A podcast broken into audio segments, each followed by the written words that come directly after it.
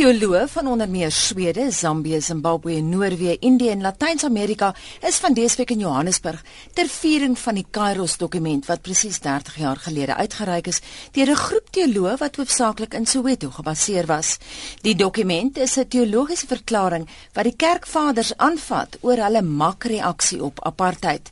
Die konteks was die noodtoestand wat PW Botha op 21 Julie dieselfde jaar afgekondig het.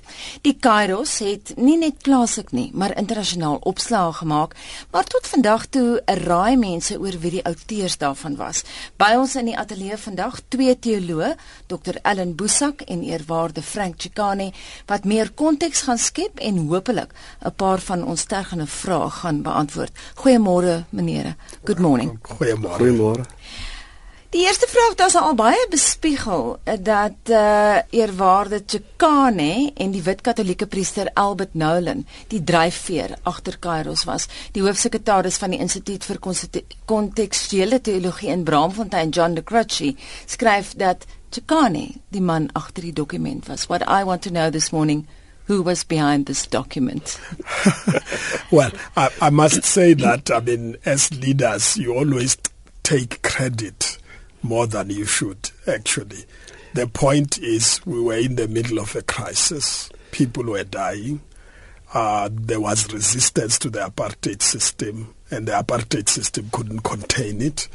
And and by 1985, 86, um, there was a balance of forces in a sense. Government couldn't govern, people who were refusing to be governed, and it had to force itself in.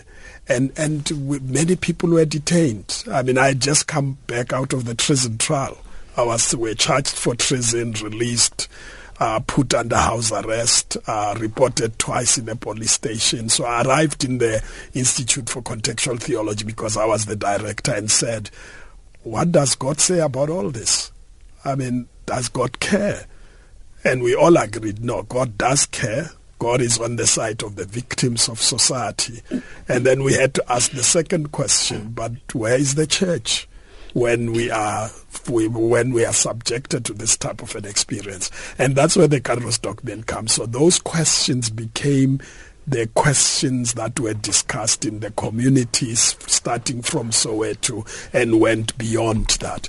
And then we recorded, I think Albert Nolan, who was part of the staff in the Institute for Contextual Theology with his good theological training, just recorded so it's not like writing a mm. document in the classical sense of the word. And uh, I would attend some of the meetings. I couldn't attend some because of my restrictions. Most of it was done semi underground. Uh, uh, with listening. So we listened to people, we put it together.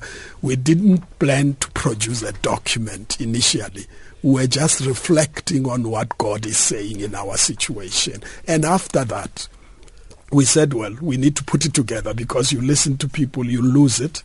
Once we had put it together, we said we must share it with other people who are not in those meetings, and then it ended up being a document. And and so I would say it's a people's document which expresses the way in which they engaged God at that time. Eerwaarde Sikani, neem ons nou terug na die tyd toe daar 'n noodtoestand afgekondig is deur PW Botha. Dr. Bosak, waarin lê die Kairos dokument se waarde?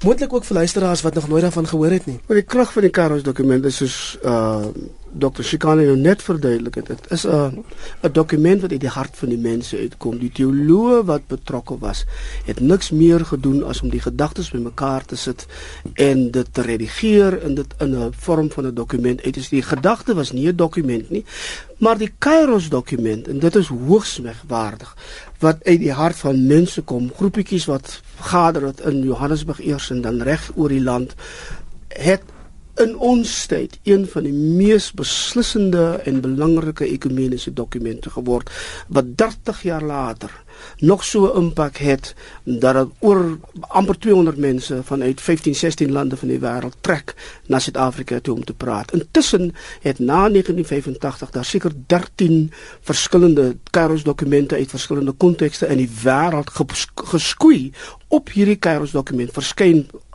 verskillende kontekste en die laaste was Kairos Palestynë uh, die die die die die Palestynse Kairos wat in 2009 verskyn het. Dit is 'n geweldige impak en dit is so omdat die die woord van waarheid wat jy praat teenoor mense wat in magsposisies sit, die woord van waarheid wat jy praat teenoor 'n kerk wat sy profetiese taak vernalatig en sy rug op die mense se pyn draai en dus ook sy rug op die kruis van Jesus Christus draai, daai was die Kairos dokument wat nie in die eerste plek aan die regering gerig was nie, maar in die eerste plek aan die kerk en die vraag gestel het oor ons getrouheid teenoor Jesus Christus. Dis die krag.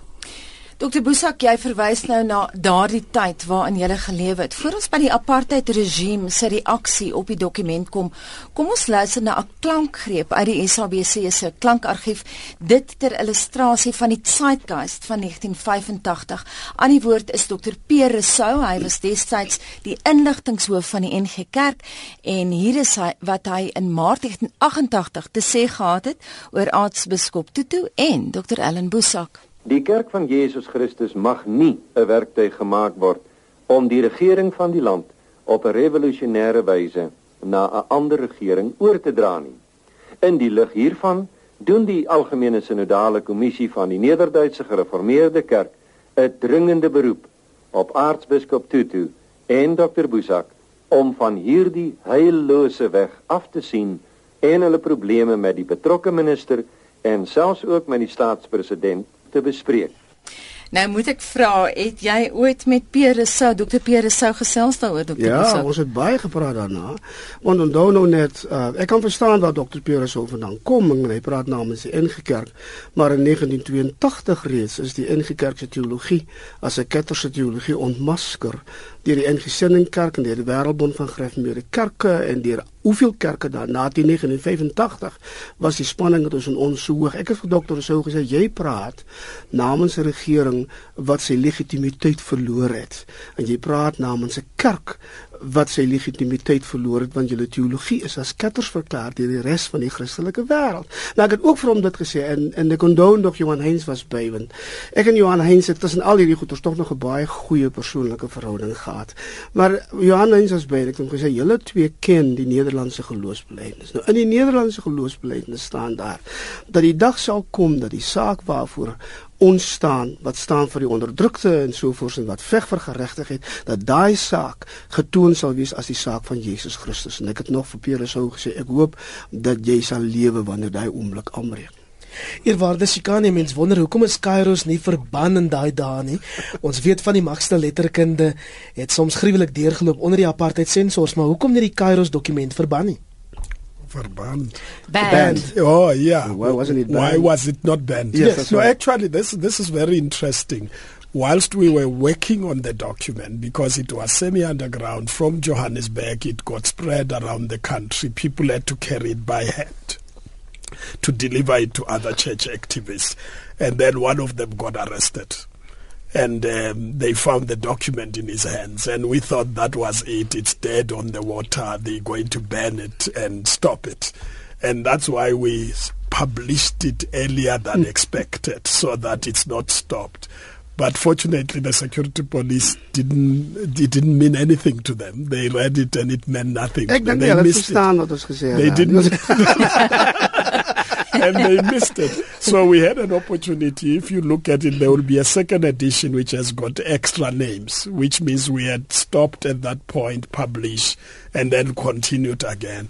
I think at the point at which it came out, it was very difficult for them to ban it. It, it was too late actually it had reached the people and and I don't know what they would have done about it at that particular moment but you know God is a God of grace who works amongst us and allowed this to happen so that the majority of the people could move in. Even the church, the church you're talking about, I mean, all the people who condemned it that time supports it today. Oh ja, yeah, I mean, I mean even within the South African Council of Churches, within member churches. Nou, as ek nou net dink yeah. hoeveel hoeveel artikels en dokumente deur teoloë van die NG Kerk geskryf is agterna yeah. wat die waarde van die Kairos dokument uitlig en wat wat wat wat nou omtrent Hulle vereenselwig met die dokument in die impak wat die dokument gehad het hier in Suid-Afrika en in die wêreld want daar was in ons tye nog nooit so helder wek tot die kerke. Ons duidelik gesê ons praat oor die situasie in die land, maar ons praat nie in hierdie oomblik met die regering nie. Laat PV Botha maar weet wat hy is en doen wat hy wil. Ons praat met die kerke. I want to come back to you for a moment. You used the expression yeah. it's spread around the country, but it has to be said it's spread around the world. Want ek was nou gister by die yeah. kongres gewees. Ek meen yeah. daar is teoloë van Swede, Zambië, oral, dwars oor yeah. Latyn-Amerika, die Brasiliane is daar. So hierdie dokument het 'n impak gehad wêreldwyd. The impact of this document yeah. internationally. I, I must say that we are this is extraordinary. I mean, we started from here. It had to spread here first before it went outside the country. But you know, when we did it, we didn't even think about the world. We were thinking about God and our situation and, and what the church was doing. And suddenly, I mean, the world picked it up. It reached the World Council of Churches. It reached our partners.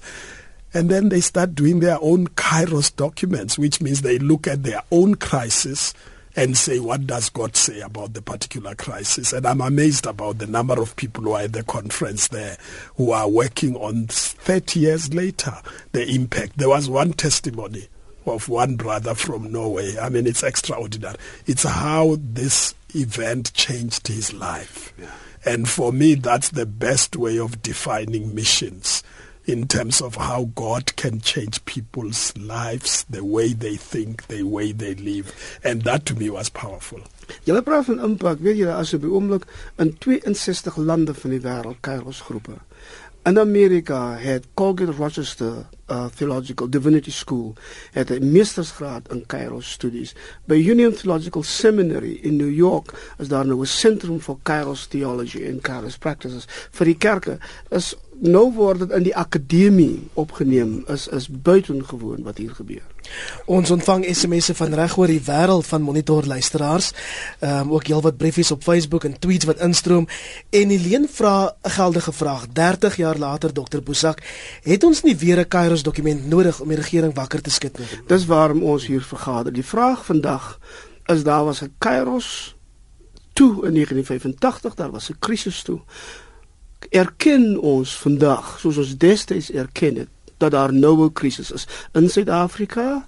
Ehm um, ons praat nou oor Suid-Afrika en erken ons in daai krisis dieselfde Kairos wekroep en en wat ons nou besig is om te doen is om vir mekaar te vra hoe spreek ons vandag ehm um, die kerke en en en die regering aan op die issues wat nou vir hierdie oomblik vir die mense die mees belangrike is want die stryd vir geregtigheid en vir menslike waardigheid en vir gelykheid daai stryd is nog so ewig aan die gang soos wat dit was uh eh, 30 jaar gelede in sommige opsigte is dit self verskerp En wat is vandag belangrik? Wat is die belangrike issues? Ek het gister net gehoor dat daar verwys word na die Palestynse stryd.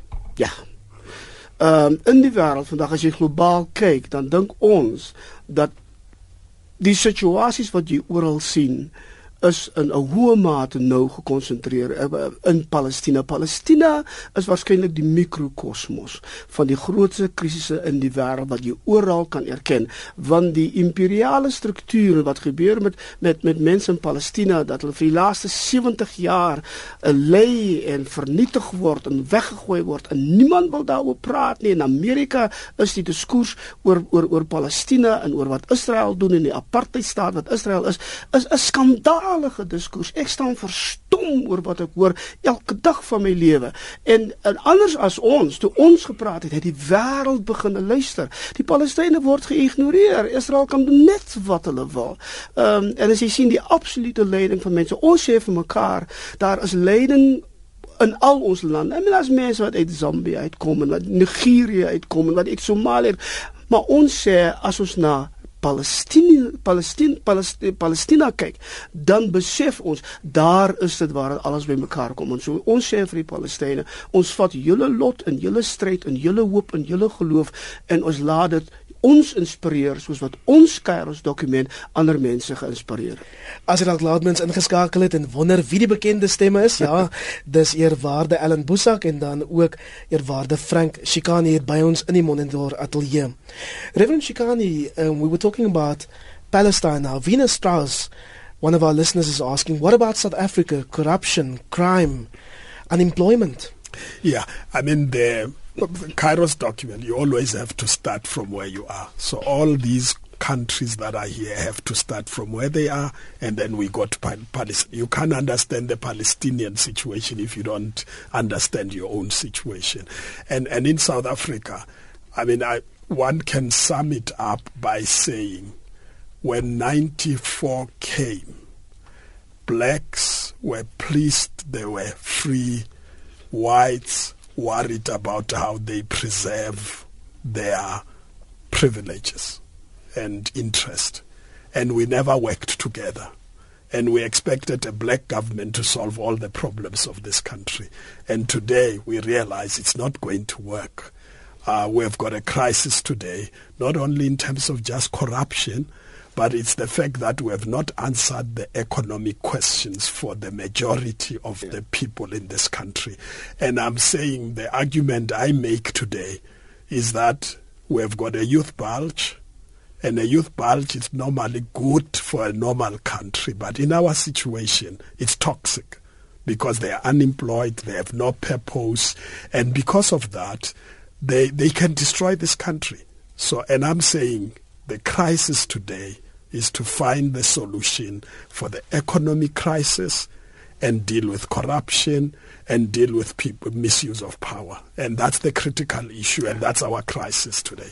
Reverend uh, chikane we're also getting a lot of negative comments from listeners. Yeah. and one listener is saying vra 'n bietjie vir frank was dit die moeite werd vandag leef 'n groot komponent van die bevolking in huisarrest agter palisades en elektriese heininge met verwysing na misdaad. So there has been a lot of negative reaction in terms of what the current government is doing. But I think about, maybe you would Well, in this case, she's crime, talking about yeah, palisades in elektrische palisades and electrical fences. Yeah, yeah, so yeah, that yeah. must be a clear reference yes. to uh, the crime wave. Yeah.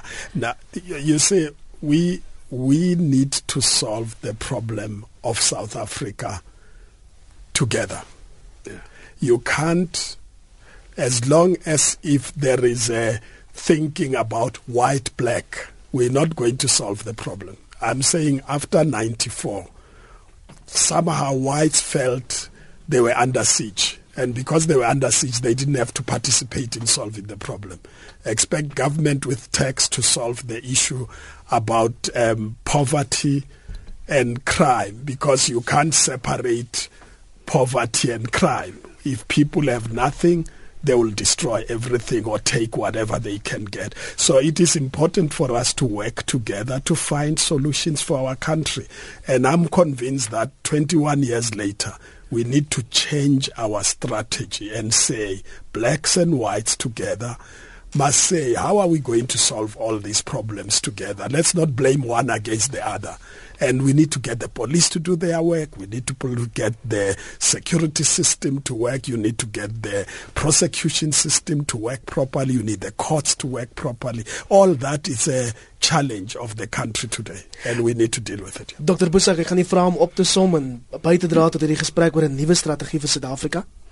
Ja, dis uh, ek ek stem heeltemal saam met Dr. Chikani. Ehm um, een van die groot dinge wat ons gemis het is ons het nie besef hoe absoluut belangrik dit is. Uh, ek praat van alle Suid-Afrikaners dat ons met mekaar saam hierdie probleme uh, mense wat gedink het nou as jy wit mense tyd verby die swartes met die probleme oplos.